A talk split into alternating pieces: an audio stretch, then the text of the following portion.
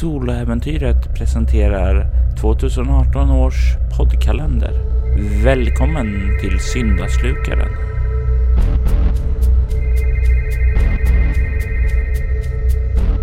Jag är Mattias Fredriksson från Red Moon Roleplaying och i detta avsnitt spelar vi rollspelet Bortom.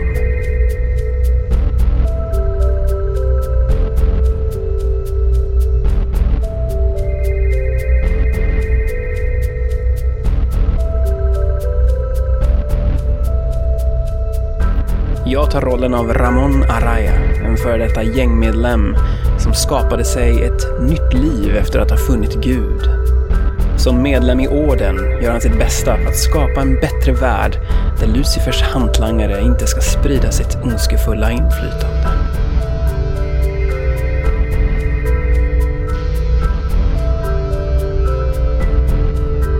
Välkommen till Fången.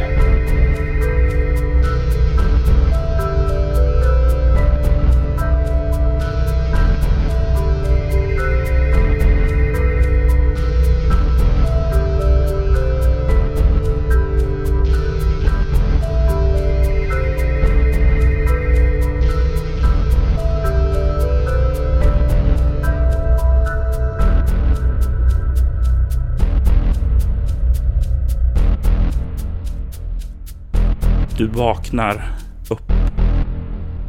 Du ligger på golvet i förhörsrummet. Du är ensam. Men det här förhörsrummet ser inte ut som det som du var i nyss.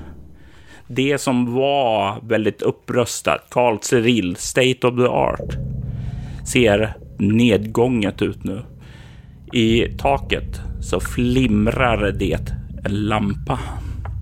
Den flimrar så är det liksom här obehagligt också så det liksom det sticker lite extra i ögonen. Eh, golvet är svart, vitt, schackrutigt. Eh, lite lätt fuktigt också.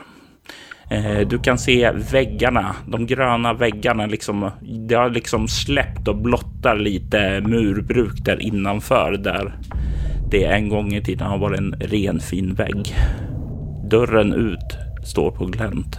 Men det är mörkt där ute.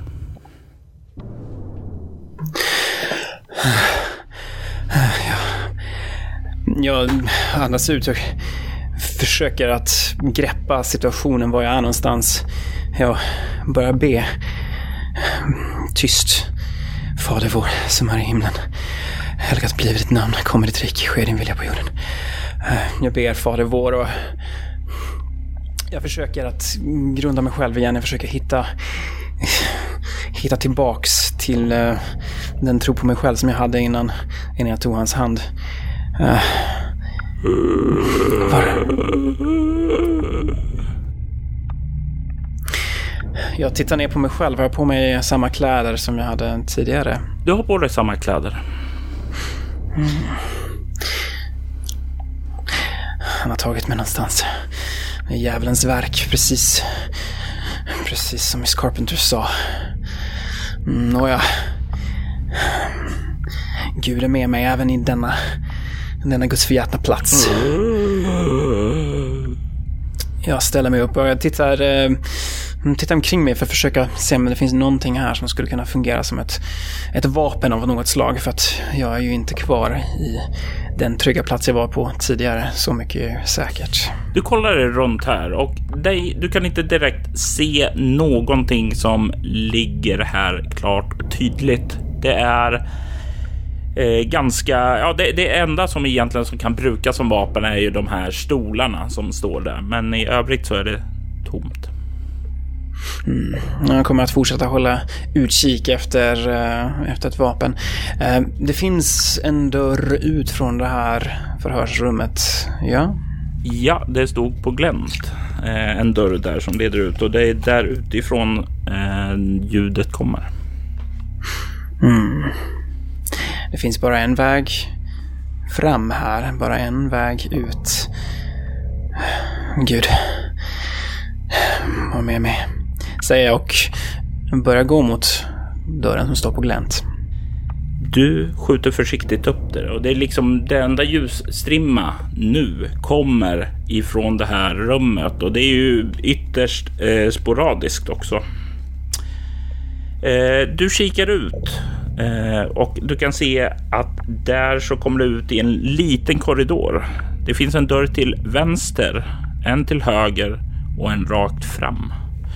Och om det här påminner om eh, samma arkitektur och uppbyggnad som i det Arkwrights fängelse så skulle du ha kommit ifrån den högra dörren. Mm. Ja, det är väl säkrast att försöka följa, mm, följa den vägen då och ta sig mot den eh, högra dörren. Och du kommer ut i en stor kvadratisk rum. Eh, det är lite grann av, eh, tänk så nästan det är så här lite loungeaktigt rum. Eh, det är några små eh, eh soffor och sådant som står upp längs väggarna. Det finns en del gamla alltså här tidningsskriftshållare som sitter uppe på väggen med gammal eh, gammal, gammal informationsmaterial. Du kan även se eh, att det, det finns eh, en dörr till vänster och det står ovanför det kapellet. Och till höger så kan du se, eh, vad heter det, att det verkar vara fängelsechefens kontor. Rakt fram finns det en dörr in till vad som det står uppehållsrum och sedan så finns det en gång precis vid den dörren åt vänster som leder vidare. Mm. Jag tittar först lite snabbt på det här eh, informationsmaterialet. Ger det mig någon slags eh, ledtråd om var i tiden den här platsen kan vara? Det är ju inte... Jag är inte på samma plats längre, men eh, kanske är det här någon annanstans. Är det fortfarande 2002? Du kliver fram där, tar upp det och du kan se att materialet, eh, det har liksom blivit så här lite lätt vad ska man säga, skrynkligt, eh, vattenskadat. Eh, och när du kollar det runt så är det inte så konstigt. Alltså det ligger så här lite droppar lite fukt ifrån taket. Men du plockar upp den och kollar och du ser att det är från det nyrenoverade eh, kontoret på Arkwright lokalerna. Eh, när de eh, nu fick genomgå en välbehövlig renovering år 2023. Hmm. Hur är detta möjligt? Hur är detta möjligt? Det måste vara någon slags eh, illusion eller lögn som djävulen har skapat här. Ja. Eller så är det sant. Vad är det där för ljud, Dios mio? Um, jag tittar mot fängelsechefens eh, kontor. Kanske kan det finnas något eh, slags um, vapen där, tänker jag. Det här är inte en säker plats. Du kan slå ett eh, kropp obemärkt. Lätt slag. Tio. Du tror att ljudet, det här märkliga ljudet, det kommer bort ifrån uppehållsrummet som leder rakt fram här. Mm. Du kliver bort emot fängelsechefens kontor. Du känner att dörren är låst. Mm. Jag kan inte göra något ljud här. Um, får det bli kapellet istället. Jag behöver någonting för att vara redo för vad som väntar i uppehållsrummet. Eh, mot kapellet. Du kommer in i kapellet. Du kan se, eh, det är ganska nedsläckt här, det är ganska mörkt. Men det finns faktiskt ljuskälla här inne som låter dig att se. Det står massor med vaxljus och så tända och brinner och lyser därmed upp här. Du kan se eh, att det här, eh, finns några enkla eh, bänkar uppradade eh, och leder fram till en, ja, en talarstol där som troligtvis då fader Lazaro brukar hålla sina eh, predikor. Eh, men bak, längst bak i rummet så kan du se Kristus på korset. Uppfäst på det stora träkorset. Fast det är inte Jesus. Det är fader James Lee Milton. Den man som värvade dig till orden. Som hjälpte dig ur fängelse. En fadersgestalt för dig. Mm. När jag ser det så blir jag givetvis chockad. Ser han ut precis som jag kommer ihåg honom eller? Det är ju 20 år senare om det här informationsmaterialet är korrekt. Eh, hur är detta möjligt? Han ser ut som han var sist då du såg honom för mm, kanske någon månad sedan. Mm. Lögner, lögner är djävulens lögner alltihopa. Ehm, jag eh, ser mig omkring här ändå för att försöka hitta någonting som kan hjälpa mig.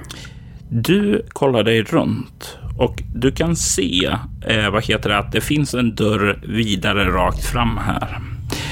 Du kan se en del träkors, det finns biblar. Och sen så finns det ju, vad heter det, någonting som inte passar in här. Precis lutad mot dörren som är rakt över där du står. Så står det ett eh, harpungevär. Hmm. Tack, gode gud. Tack. Jag eh, rör mig mot eh, harpungeväret. Och eh, jag tar upp det. Ja. Och du kan se att det, det verkar laddad med en harpun. Jag känner mig genast säkrare. Nu har jag någonting i alla fall att försvara mig med. Mm. Ja, men jag vet inte om det kommer att hjälpa. Striden mot djävulen är ju inte en fysisk strid, men kanske här är någon slags metafor. Kanske är jag inte här egentligen. Det, det är ju inte möjligt. Nåja. Nu har jag någonting i alla fall.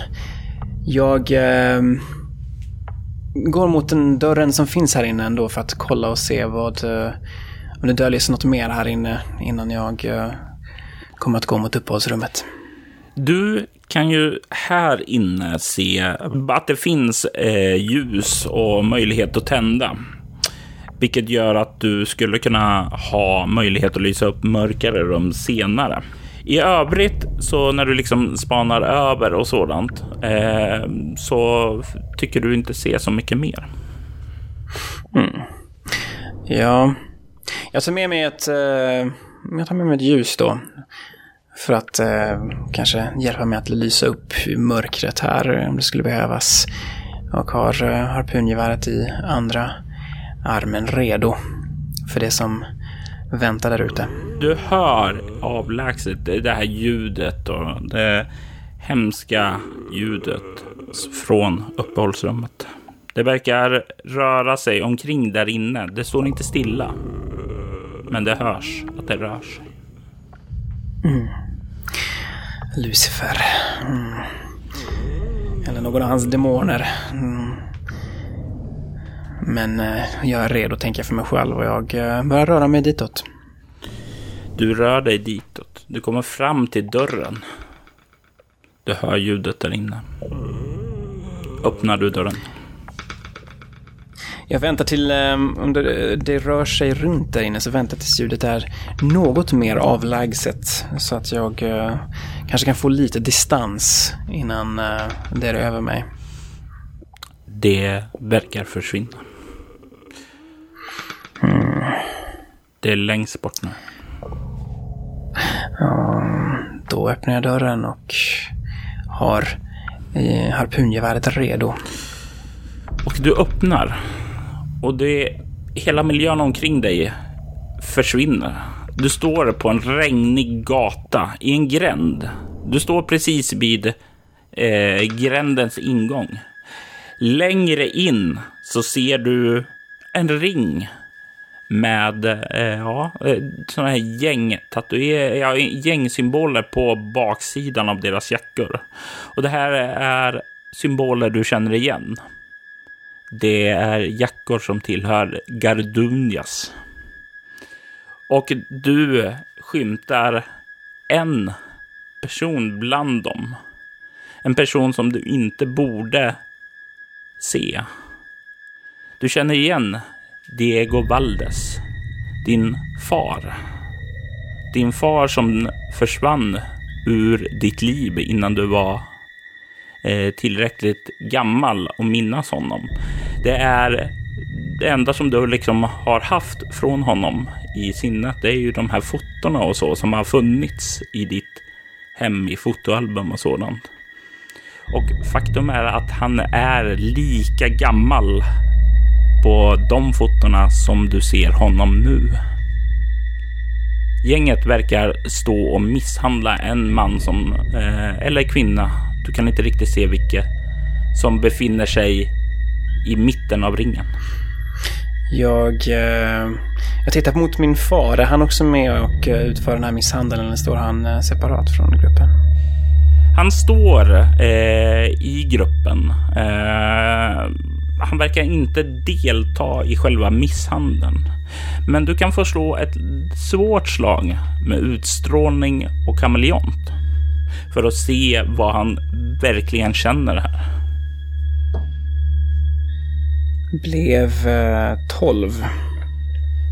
Du, du, det är svårt att läsa honom från det här avståndet och du kan inte riktigt eh, se vad han egentligen känner. Men eh, han deltar inte aktivt i misshandeln i alla fall. Hmm. Diego, ropar jag. Du kan ju få slå ett lätt slag med utstrålning interaktion för att eh, framhäva din myndighet. 14. Du kan se hur han rycker till och vrider huvudet mot dig och verkar se dig och du kan se att han lägger handen på någon annan och verkar säga någonting och den nickar och sen så börjar Diego börja vandra fram emot dig. Håller jag fortfarande i harpungeväret här? Ja. Mm. Det ser inte riktigt ut att passa in i miljön i sig. Mm. Jag eh, väntar på att han kommer fram och eh, jag ler och jag nickar. Pappa, säger jag. Han kollar på dig. Ramon. Varför? Varför då? Vad... Varför är du här? Varför är jag här? Hur är detta möjligt? Varför blev du en Gardunja? Varför blev du en av oss? Jag gjorde det här bara för att skydda dig, att få bort dig från allt det här och sen så går du med dem. Varför? Jag vet faktiskt inte. Men uh, söner har en tendens att följa i sina fäders fotspår. Det bara blir så. Det bara blir fel. Jag lämnade dig med, dig med din mor. Jag lämnade dig därför du skulle vara trygg, att du inte skulle behöva... Jag, jag, jag känner sorg och besvikelse över dig. Alltså det här, jag hatar vad jag gör. Och jag hatar att du valde att göra detsamma. Du skulle ha haft ett bättre liv. Jag vet. Men saker och ting har blivit bättre. Jag har funnit ett nytt kall i livet. Jag tjänar Gud nu. Jag är, jag är en präst, Diego, pappa. Jag har fått syndernas förlåtelse och det kan även du få. Han kollar på dig med en blick som du får.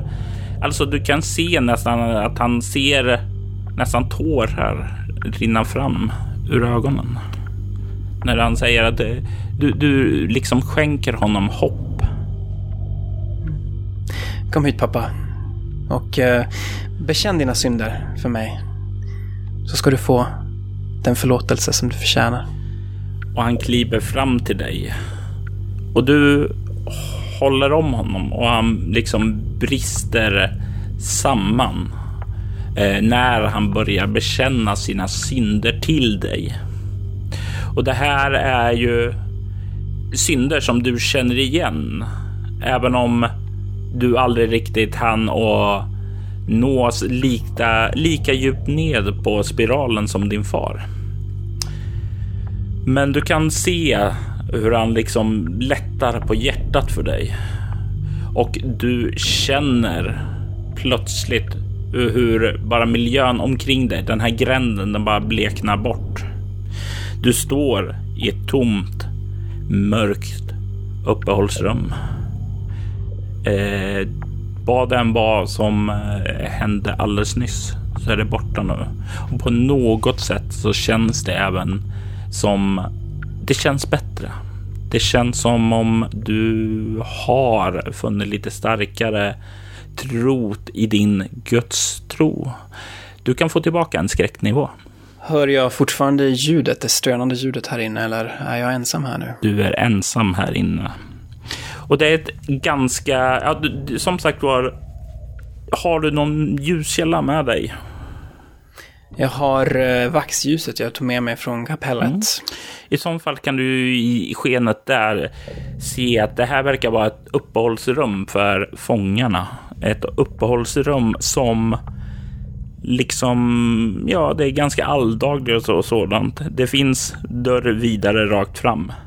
Men det här är också ett ganska stort uppehållsrum med en del smårum och så i sig. Så det är liksom inte du får helhetsinsyn härifrån.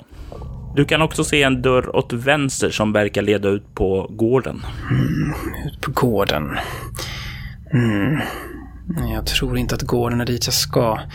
Eh, jag fortsätter... Eh, jag fortsätter eh, längre in. Du tar dig längre in. Du kommer fram till dörren, öppnar den och kommer ut i vad som verkar vara ett rum fyllt med ja, eh, tavlor, stafflin, färger. Det verkar vara ett rum där fångarna får spendera tid med bildterapi, måla, eh, någon form av eh, något sätt att roa sig här då de är inspärrade på livstidsavdelningen som de aldrig, aldrig kommer att få lämna. Mm.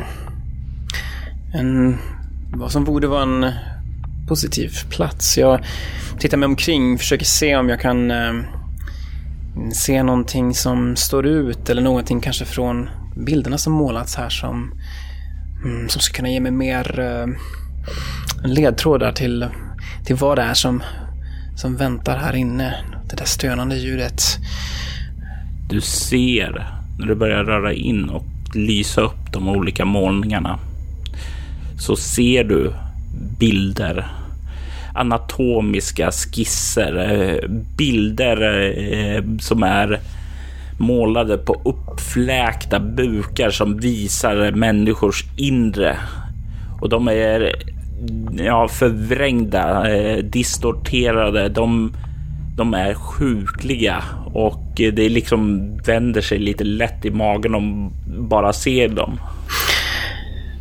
Djävulens verk återigen. Men, men det här är ingenting. Det här är ingenting mot Guds ljus. Jag håller harpungeväret hårt och eh, jag fortsätter förbi målningarna och försöker se om det finns en väg framåt. Det finns, förbi det. Det finns en väg framåt. Det gör det. Och eh, när du börjar komma fram till dörren där så kan du också se att det ligger en ganska rejäl rulle av silvertejp på bänken precis vid utgången. Hmm. Silvertejp. Jag, eh, jag plockar upp det. Mm. Man vet aldrig när man kan behöva silvertejp, säger jag åt mig själv. Du hör ljudet igen. Ljudet kommer den här gången utifrån. Utifrån ja, parken, eller vad ska man säga? Utifrån den grönskande lilla avdelning som eh, fångarna får vistas på. Mm. Då är det dit jag måste gå. Det är dit jag måste gå. Jag måste möta det här hotet direkt. Det är därför jag är här. Jag är stark i min tro och min Gud är med mig. Du får antingen försöka röra dig framåt och leta efter en ny väg ut eller tillbaka till rummet innan, för här finns det ingen väg ut. Mm. Ja, men eh, tillbaka då och eh, försöka ta sig via den vägen då, via, via gården där då. Du tar och kommer ut på gården. Och du ser en mörk himmel. Inte en stjärna så långt ögat når. Men ändå så känns det ljust här ute. Det borde inte vara ljust, men det är det. Och efter ett kort ögonblick så ser du var ljuset kommer ifrån. I den här grusgången där du kommer ut så kan du se på båda dina sidor i de här små avgränsade fångutrymmena så är det grönskande slätter fulla av vita nejlikor. Det är ett blomsterhav där. På andra sidan, längst bort här på gården, i de två så finns det istället röda rosor. I en av de eh, två utrymmena där så kan du se också en kvinnogestalt. En kvinna som du har sett tidigare. Det är din mor. Det är din mor Maria Araya, eller Cabrero som hon hette, som ung. Hon är klädd i en vit klänning och det verkar nästan som om det är från henne som ljuset kommer. Hon verkar gå runt och plocka rosor. Jag sänker mitt vapen och jag börjar röra mig mot henne. Jag ser fram emot att träffa henne igen. Det har varit länge sedan sist. Du kommer närmare henne. Du kan höra där hon går och verkar framåtlutad och plockar blommorna. Så kan du höra att hon verkar gråta. Mamma, det är jag, det är Ramon. Hon vänder sig upp emot dig och du ser hennes tårprydda kinder. Hur det ur tårkanalerna liksom droppar tårar i en strid flod. Men det är inte tårar. I alla fall inte tårar så som du är van vid att se dem. För de gråter tårar av blod. Ramon, Ramon. Min son, varför gjorde du det? Varför, varför, varför misshandlade du honom? Jag går eh, fram mot henne och eh, försöker se om, om det skulle vara okej att krama henne eller om hon håller distans. Du, du kommer ju fram och ser ju där att du blir ju separerad av ett stängsel då däremellan. Eh, så du kommer inte riktigt fram till henne utan ni står ju så här på eh, varsin sida av staketet. Jag går, eh, jag går ner på knä. Förlåt. Förlåt mamma, jag vet att mina ord inte kommer att betyda någonting efter det jag gjorde. Men vet att jag, jag är djupt ångerfull över det jag gjorde. Jag, jag har plågats hårt av av minnen av, av, av det hemska misstag som jag gjorde. Av den, den felaktiga väg som jag valde i livet, hur jag svek dig. Hur jag svek dina förhoppningar och allt det du gjort för mig. Jag har funnit en ny väg nu. Jag, jag har funnit Herren. Jag har blivit, jag har blivit en präst för att få förlåtelse för det jag gjorde. Jag, jag tror inte att det kommer att räcka för för att du ska förlåta mig. Men jag, jag ber dig mamma, jag... Jag, jag, jag, jag ber så mycket om, om förlåtelse. Snälla. Vi, vi, nej, efter att du hade misshandlat Carlos, efter att du hade gjort det. Han tog ut all sin ilska på mig. På mig. Din mor. Du lämnade mig med hans vrede. Du lämnade honom ensam för hans knytnävar. Du lämnade honom med hans vrede över vad du hade gjort. Ingen, ingen trygghet längre, ingen trygghet när som helst. Vakna under natten och jag, hans vrede haglade över mig. Jag, jag förstår, mamma. Det, det är mitt fel. Allt är mitt fel. Jag borde inte ha lämnat dig. Men Det finns ingenting jag kan göra för att ta tillbaks det nu. Jag kan bara be om din förlåtelse och... Du kan, du kan göra, lova mig en sak. Du kan lova mig en sak. Vad? Hämnas mig. Hämnas mig och bring död åt Carlos. Endast då kan jag finna frid. Var... Var är han någonstans, mamma? Var kan jag hitta honom? Jag lovar. Hon sträcker ut sin högra hand och pekar bort emot eh, några av... Ja, en dörr som leder in till eh, en annan del av fängelset. Jag eh, tittar dit och så tittar tillbaks till henne. Mor, jag, jag lovar dig. Han ska få sona för sitt brott. Han ska få betala för det han har gjort. Men, men jag hoppas att, att du vet hur ledsen jag är för det jag gjorde. Jag vet att ingenting kommer att... Att ingenting kommer att bli som de var förut, men... Men låt mig i alla fall göra det här. Låt mig försöka göra det lite bättre. Jag kommer att vänta på dig. Där jag ligger. Jag kommer att vänta på dig att komma och ta farväl. Jag kommer att vänta på dig sex fot under där jag är nu. Farväl min son. Mamma. Och du ser hur hon bleknar bort framför dig. Du kan ta och slå ett nytt skräckslag. Utstrålning 10. Jag, jag fick nio.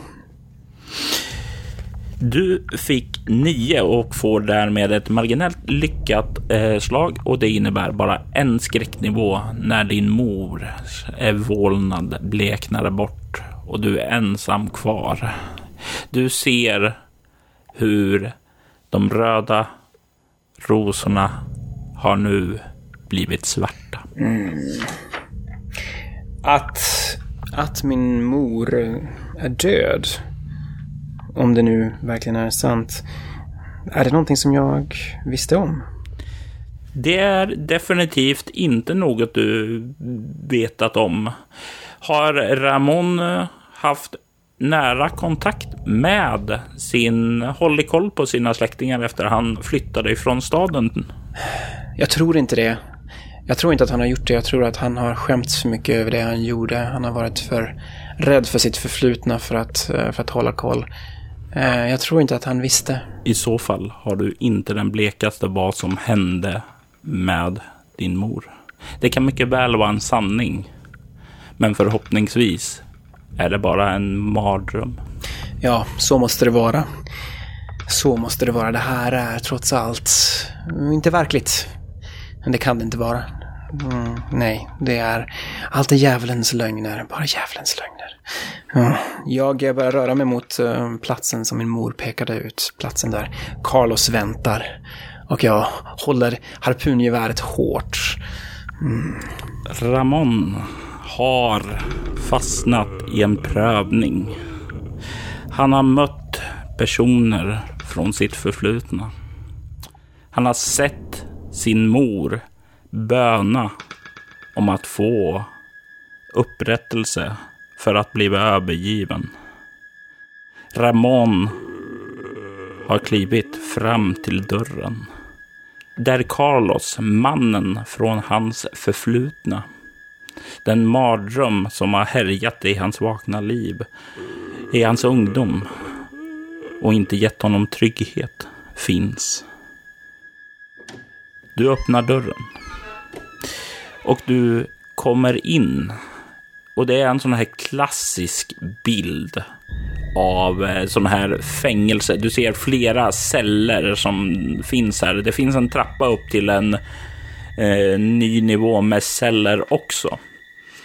Här är det mörkt. Du hör ljudet av droppande. Du kan känna att luften här är unken. Ungefär som det inte funnits mycket till frisk luft här alls. Det ser mörkt, nedgånget. Järnstängslen till cellerna. De har rostat sönder. Det enda lilla ljus du har kommer från det vaxljus du håller i din hand. Och i det andra så kramar du ditt harpungevär hårdare. Du stirrar in och jag vill att du slår ett kropp obemärkt lätt slag. Tio. Du kan ana här längre in att det är från nedervåningen där längre in som det här ljudet hörs. Då vet jag var jag ska gå. Mot nedervåningen där Carlos väntar. Jag börjar gå ditåt. Du tar och går ditåt. Du börjar närma dig och snart längst in ifrån skenet av vaxljuset så kan du se cellen som Carlos sitter i. Du ser hur han sitter ned och verkar fingra på en nyckel. Och han verkar kolla nedåt på den mer fascinerat, lite världsfrånvänt. Påminner lite grann om hur Christopher var världsfrånvänd när du träffade honom i förhörsrummet. Jag, eh, jag står utanför cellen då och jag tittar mot honom där han står på andra sidan gallret. Carlos, säger jag. Du kan Sen han höjer huvudet och kollar mot dig. Hans ögon är mörka, fyllda av hat. Han ser ned på dig även om han sitter så han kollar upp på dig. Du, din lilla horbarn. Vet du den smärta som du åsamkade din mor? Vet du all den smärta du gav henne? Den skam som hon fylldes av för dina handlingar. Du är precis lika värdelös som din far. Jag vet vad jag har gjort. Jag vet vad jag är ansvarig för. Och jag är fylld av ånger inför det val jag gjorde. Men det val du gjorde, Carlos, efter det som skedde mellan oss två, det var helt och hållet ditt val. Hur kunde du... Hur kunde du döda henne? Älskade du inte henne? Jag skulle aldrig döda henne. Vad talar du om? Mm. Vet du att det var vad hon sa till mig? Hon... Eh, hon är också på den här platsen. Eller var i alla fall. Hon bad mig att dräpa dig. Att hämnas henne. Varför ska jag inte göra det? Hon är inte på den här platsen och om du har sett henne så är det dina vanföreställningar, ditt personifierade hat som lever fritt. Men jag borde väl inte vara förvånad. En sådan som du. Han fnyser. Ja, ja, få över det, det om du är så mordlysten då. Det visar ju bara en sak, att jag hade rätt om dig. Att du är, är bortom all hopp, bortom all räddning. Gardunia. Mm. Du har rätt. Jag är Gardunia, jag kommer alltid vara Gardunia. Jag har lämnat det bakom mig, men, men det förflutna, det finns alltid kvar. Det finns alltid kvar i oss. Jag har lovat min mor att dräpa dig. Jag tror inte att det här är en plats som existerar på riktigt och jag tror inte att du är här på riktigt. Det är inte möjligt. Men ett löfte är ett löfte, säger jag och avfyrar harpungeväret mot Carlos. Du kan slå ett kropp av sån strid. Eh, svårighetsgrad 8. Nio. Ja, det är ju inte direkt vanligt för dig att skjuta ett harpungevär och i mörker och balansera med en, eh, ja, ett vaxljus också så blir det lite svårt. Men du sätter honom i magen då, rätt igenom och han skriker till och du kan se hur någonting verkar hända. Du kan se hur han kastas bakåt i, ned i sängen. Nyckeln tappar han och den studsar ner på golvet och vad heter det, kommer det, vad heter det som ligger ja, en bit ifrån eh, gallret där du står. Du kan se hur hans kropp börjar rycka i spasmer och du kan se också hur, vad heter det, han verkar i extrem smärta. Jag eh, sträcker mig efter, eh, efter nyckeln. Eh, ja, och du, du trycker du in dit och du får liksom tag i den precis innanför ditt grepp och du börjar dra den sakta utåt. Och du kan se hur din eh, styvfar Carlos sätter sig upp i cellens säng. Han är annorlunda nu. Du kan se hur ja, harpunen sitter kvar i magen. Men du kan se hur hans ögon har sjunkit djupt, djupt in och lämnat två svarta hålor. Du kan se hur munnen har sytts igen. Du kan se hur hans eh, hud är blek, likblek. Och du kan se hur den börjar spricka uppåt på sina ställen där den stramat åt för hårt och hur det börjar rinna ut var ur den. Men du får tag i nyckeln. Jag får tag i nyckeln.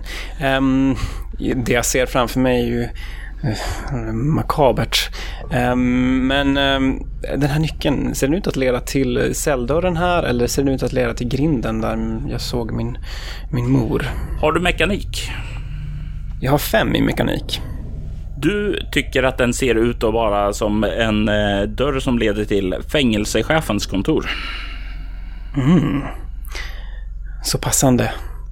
Jag eh, släpper harpungeväret. Det finns ingen poäng att släpa runt på det någon längre när jag har avfyrat dess enda eh, laddning. Jag tar med mig vaxljuset och jag börjar bege mig därifrån. Jag kan inte möta eh, den varelse som är på andra sidan där. Det tror jag inte. Om inte ett harpungevär har ihjäl det så kommer inte mina nävar att göra desto mer. Jag börjar snabbt röra mig mot fängelsechefens kontor. Du hör ett isande skrik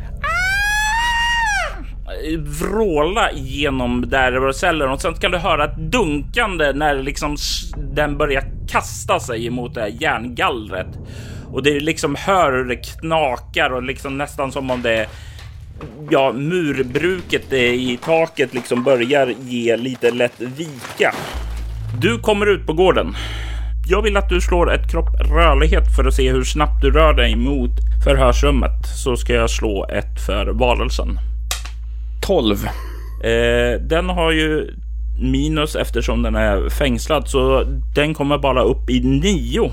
Eh, så du upp, får upp ett försprång där och rusar tillbaka mot kontoret. Och du kommer fram till kontoret där. Ja, jag sträcker mig efter min nyckel och börjar försöka eh, öppna upp låset snabbt, så snabbt som möjligt. Du börjar fingra, fingra med låset där och du får upp den och du kan stirra in på ett eh, kontor. Det här ser definitivt ut som ett ja, det bryter mot resten av eh, omgivning där, utan du kan se där inne att det verkar vara som ett 30-tals eh, kontor snarare än eh, sent 2023. Det finns arkivskåp, det finns en eh, skrivbord. Du kan se att det finns en bokhylla. Eh, du kan se att det finns en liten fåtöljgrupp också. Jag låser dörren bakom mig och stänger den. Ja, den drar igen och du kan höra, eh, vad heter det här, skriket som isande hörs utifrån trädgården. Den verkar, vad heter det, söka efter dig. Den verkar ha förlorat spåret av dig just nu, men den letar. Den är på jakt efter dig. Mm, då försöker jag röra mig så tyst som möjligt här inne. Jag uh, har fortfarande med mig ljuset hoppas jag. Men jag undrar om det verkligen fortfarande brinner. Jag har ju sprungit ganska så fort. Det måste väl ha slocknat. Precis. Eh, så det är ganska mörkt här. Men det var en del ljus ute i, vad heter det, eh, det här rum, rummet som var innan det här. Och det är lite svagt ljus som letar sig in.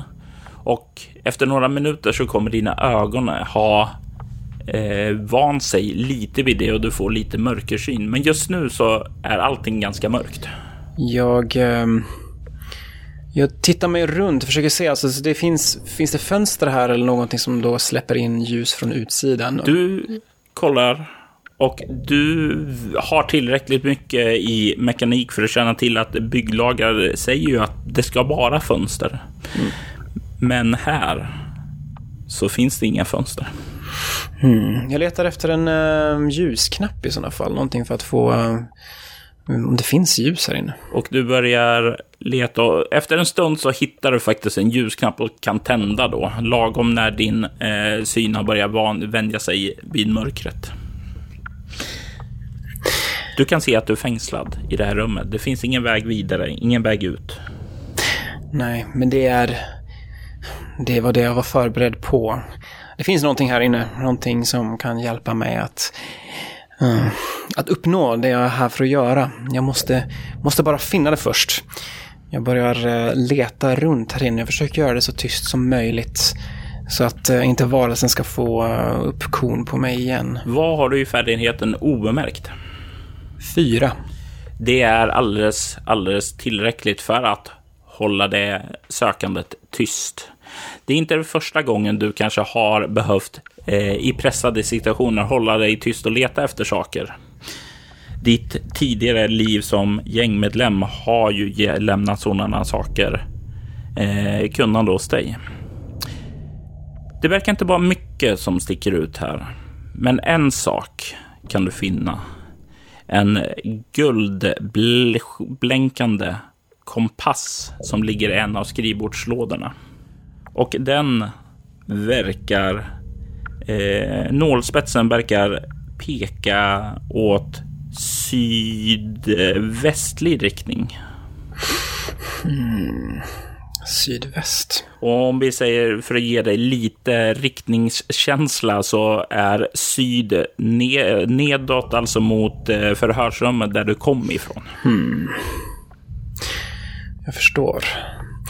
Um, jag tar upp den här kompassen och känner på den och um, tycks den passa in på den tidsperiod som resten av det här rummet är i eller är den annorlunda? Den ser ut att passa från det, den här erans tidsrymd. Mm. Finns det någonting annat här inne? Någonting eh, som skulle kunna vara mig till hjälp? Jag är ju obeväpnad nu, bortsett från ja, min egen kropp, givetvis. Eh, du kan hitta... Det enda som du verkligen hittar som är passande som möjligtvis vapen. Det ligger en skiftnyckel på Skria nere i soffan. Mm. Det här får duga, tänker jag för mig själv. Jag plockar upp skiftnyckeln. Jag har kompassen. Finns det någonting annat här inne som, som skulle kunna hjälpa mig på något sätt? Eller, eh, eller är detta allt? Vad skulle du kunna tänka dig finna som hjälper dig i ett 30-talsaktigt kontor? Mm. Eh, fängelsechefens kontor tänker jag mig skulle kunna innehålla någon form av um, hagelgevär eller liknande. Um, någon typ av eh, beväpning vid uh, eventuellt upplopp av något slag. Um, jag försöker hitta någonting sådant, verkligen ett uppenbart vapen av något slag. Du hittar ett vapenskåp. Men det är ett kraftigt lås på det.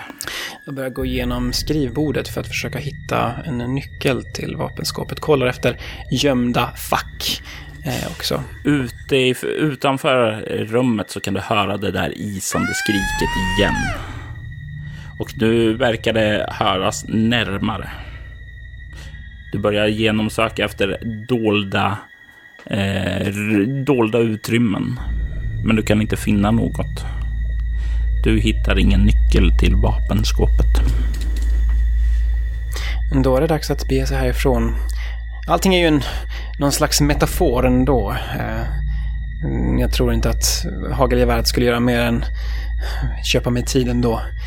Vi måste ta oss till riktningen dit kompassen pekar. Den har uppenbarligen någon slags signifikans i det här utrymmet var vi nu än befinner oss. Så jag börjar bege mig mot dörren och uh, gör mig redo att bege mig ut igen. Och du kommer ut i den där stora salen och den kompassnålen verkar peka söderut, alltså från korridoren du kom ifrån. Jag följer den. Du börjar röra dig och kommer ut i den här korridoren och eh, åt vänster finns dörren in till det, eh, vad heter det, förhörsrum du en gång var. Du kan nu höra det här isande skriket igen och nu är hur en dörr slås upp. Den är på väg emot dig. Den börjar springa emot dig. Den kommer. Och jag ser den alltså. Så jag beger mig mot förhörsrummet som jag kom ifrån mot och det är dit som kompassnålen pekar. Nej, ja. Den pekar rakt fram förbi förhörsrummet. Då fortsätter jag i, i den riktningen. Du kommer ut dit. Du kan höra nu att den här varelsen börjar komma springande mot dig. Det finns en gång, gång, gången leder fram till en ytterdörr. Det finns en eh, dörr åt vänster och åt höger. Du kan se hur det på ytterdörren finns tre rejäla platser där det har suttit hänglås. Men du kan se att, eh, vad heter det, tre alla tre där har liksom ja, brutits upp och fallit i marken, så det finns inte längre någonting som bommar igen dem. Då är det dit jag ska. Jag måste ta mig ut härifrån, givetvis. Jag rör mig mot ytterdörren. Du slår upp dörren och du drängs i ett heligt gudalikt sken. Och den här mardrömmen bleknar bort. Du är tillbaka i förhörsrummet. Du håller Kristoffers hand i din och du kan se han stirrar med stora ögonen mot dig. Nej, nej, kom tillbaka, kom tillbaka, kom hit! Du ser han skakar oroligt och upprört. Imponerande Mr King, men ingenting emot Guds kraft. Ja, du ser han släpper din hand. Nej, nej, nej. Inte ens ensam. Och du ser sedan han tar och slår huvudet mot bordet. En gång. Två gånger. Tre gånger. Du ser han börjar nästan maniskt börja slå sig själv där. Av ilska, upprördhet, oro, skräck. Vad gör du? Mm, jag tror att jag har hittat det jag behövde hitta det jag behövde veta. Han har definitivt varit under någon form av djävulskontroll. Mm. Men eh, det skulle se dåligt ut om han hade ihjäl sig själv här. Jag flyttar undan eh, bordet om jag kan eller försöker förhindra honom från att skada sig själv ytterligare. Och du gör det och han liksom bryter ihop det finns ingen väg därifrån. Han är kvar där och liksom inte kan göra någonting. Och han liksom bara, du ser han bryter samman och börjar stifta och eh, liksom han ser ut. Eh, han ser patetisk ut. Och jag går fram till honom. Christopher, du vet att det finns fortfarande en möjlighet för dig att rädda din själ. Om du accepterar Jesus, accepterar Herren, så kommer du få syndernas förlåtelse. Du behöver bara bekänna vad du gjort åt mig. Så kommer du få räddning. Det är det som Herren utlovar. Han kollar upp emot dig med en blick som är eh, fylld av ilska. Min, min bekännelse, den lämnar jag hos dig. Du kommer förstå. Du kommer att förstå. Tjuv. Och sen så sänker han blicken igen. Hmm. Det är ditt val. Det är ditt val.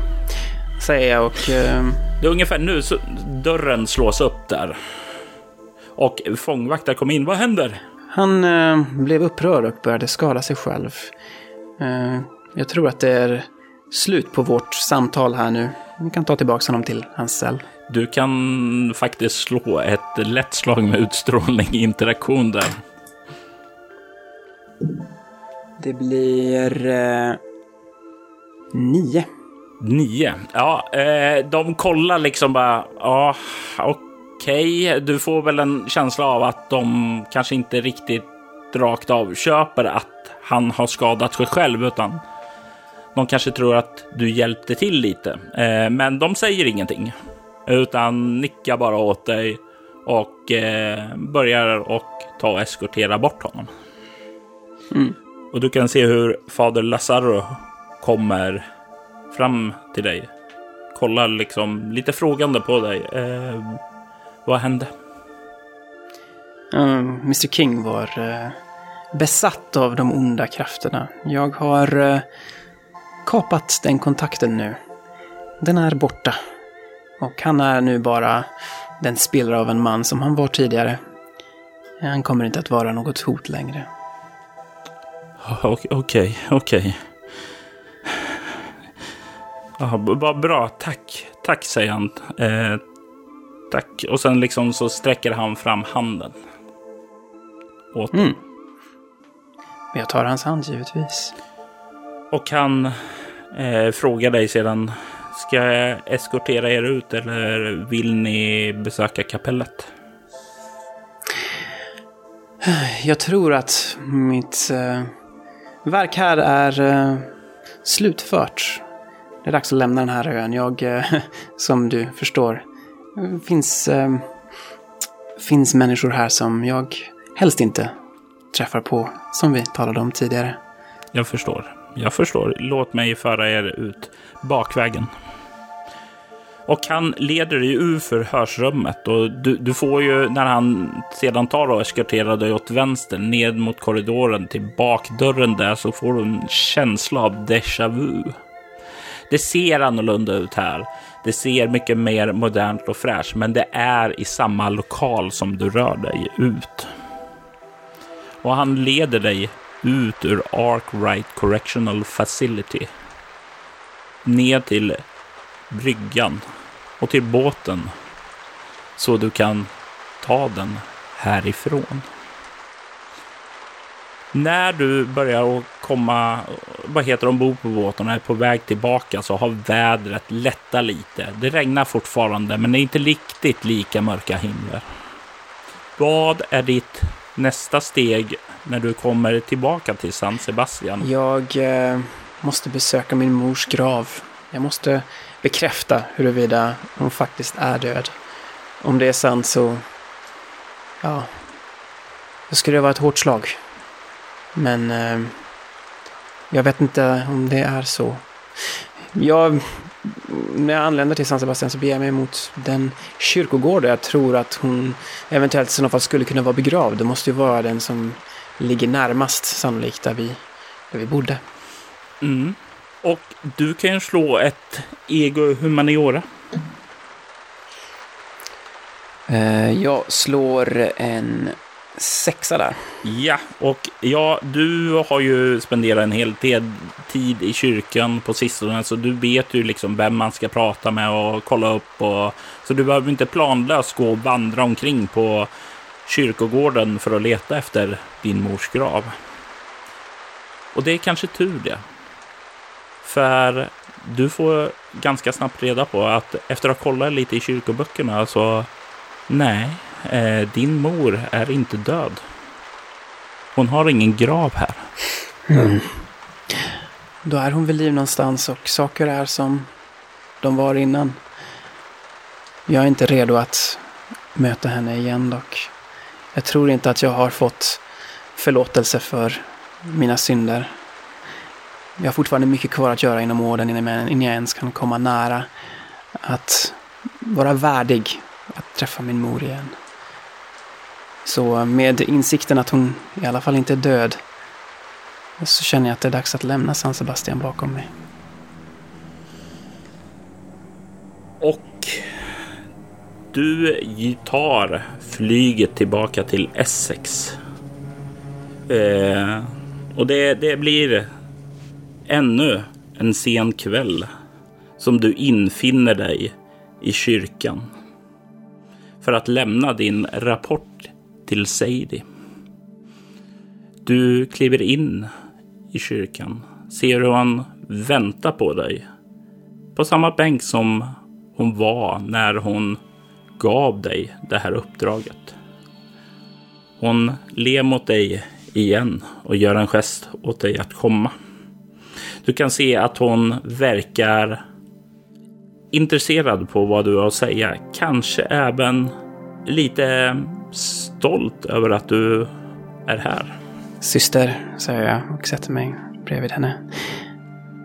Jag har eh, pratat med Mr King. Jag har funnit vad det var som kommit över honom och kommit över ön, över Arkwright Correctional Facility. Han var eh, besatt av något han kallade för syndaslukaren. Något som enbart kan vara Lucifer, något som enbart kan vara Satan. Mm, Satan prövade mig. Han satte upp mig mot eh, många prövningar som involverade det allra närmaste mitt hjärta, min familj. De människor som jag skadade i mitt tidigare liv. Men eh, jag, jag lyckades kapa kopplingen. Och nu är han bara en... Nu är han bara spillran av den man han en gång var i cellen där och... Ja, syndaslukaren har stoppats, i alla fall den här gången, från att komma vidare in i vår värld. Sadie kollar på dig. Hon är stolt. Hon ler. Jag visste väl att det placera mitt förtroende hos dig var rätt. Ta min hand så ska jag välkomna dig in i skaran. Du är redo för större saker. Och jag tar hennes hand. Att höra detta är en dröm som blir sann. Jag har jobbat mot detta så länge. Nu är tiden äntligen här. Och det är verkligen en dröm. Det är den bästa drömmen du har. Och det är kanske den enda bra drömmen du har. Du öppnar dina ögon. Du står i en källare. Du ser kroppar som hänger omkring dig. Och du ser på en bänk framför dig den plågade, den döende fader James Lee Milton. Du ser hans öppna inre och du ser hur du tar och lyfter upp hans tarmar med dina händer. Du försöker göra motstånd. Du försöker få dig själv att sluta. Det går inte. Du är inte längre i kontroll av din egen kropp. Plötsligt så minns du. Du minns händelsen. Den dröm, mardröm som du klev in i hos Christopher King. Du minns prövningen. Men du lyckades inte där. Du inser nu att ja, du började heligt och rättfärdigt när du tog hand om din far. Att du verkligen kom till freds med honom. Men din mor, din mor var full av lögner. Hon skulle ju aldrig be dig att mörda någon. Hon skulle aldrig be dig att döda mannen hon älskar. Särskilt inte när hon lever lyckligt med honom i en lugn, trygg familjenärvaro som hon gör nu. Du lyssnade på djävulens röster. Och när du hörde dem och lydde honom så grep något tag i dig. Och när du väl tog dig in till din styvfar, till Carlos, så fullföljde du djävulens invit. Du sköt honom. Du bringade hat in i ditt hjärta. Syndaslukaren fick sitt grepp om dig. Och nu är du här i källaren. Fortsättande Christopher Kings verk i syndaslukarens namn. Och det finns ingen frälsning för dig längre Ramon. Du är för evigt i syndaslukarens grepp.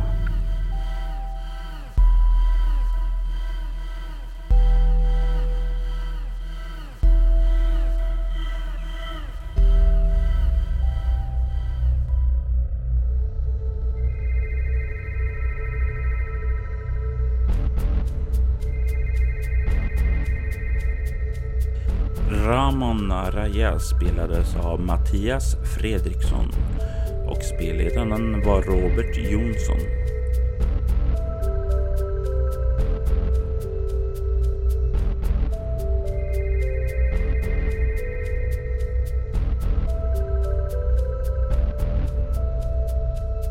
Musiken i detta avsnitt var gjort av Abstract Assassinator, Andreas Lundström och John Lahtinen. Vinjetten var gjord av Andreas Lundström.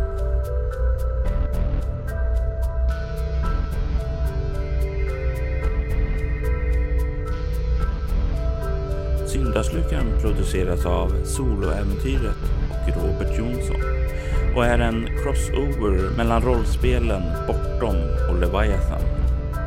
Soloäventyret finner du på iTunes, bortom.nu Facebook.